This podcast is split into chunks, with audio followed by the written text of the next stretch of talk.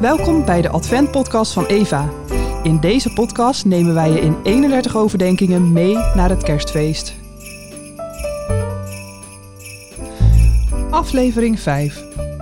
Niemand heeft ooit God gezien, maar de enige zoon, die heeft de Vader doen kennen.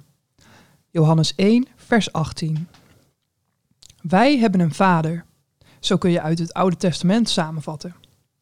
Wij komen niet voort uit willekeur. Dit leven is als een heilig huis, waar je welkom bent en waar er voor je gezorgd wordt.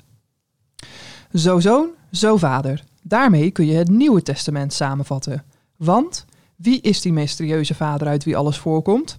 Wat is zijn karakter? Nou, kijk naar zijn zoon. Wat de vader doet, dat doet de zoon op dezelfde manier, zei hij zelf al.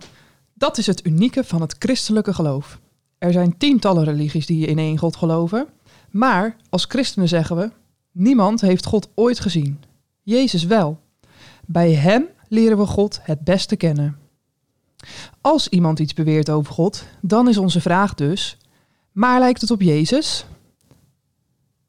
Jij beweert dat God zo doet of zus zegt.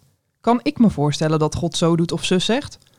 Als het niet op Jezus lijkt, dan is het vast ook niet God. Met kerst werden onze woorden voor God geboren. Wil je blijven genieten van podcasts zoals deze? Ga dan naar eva.eo.nl/abonnee en steun ons.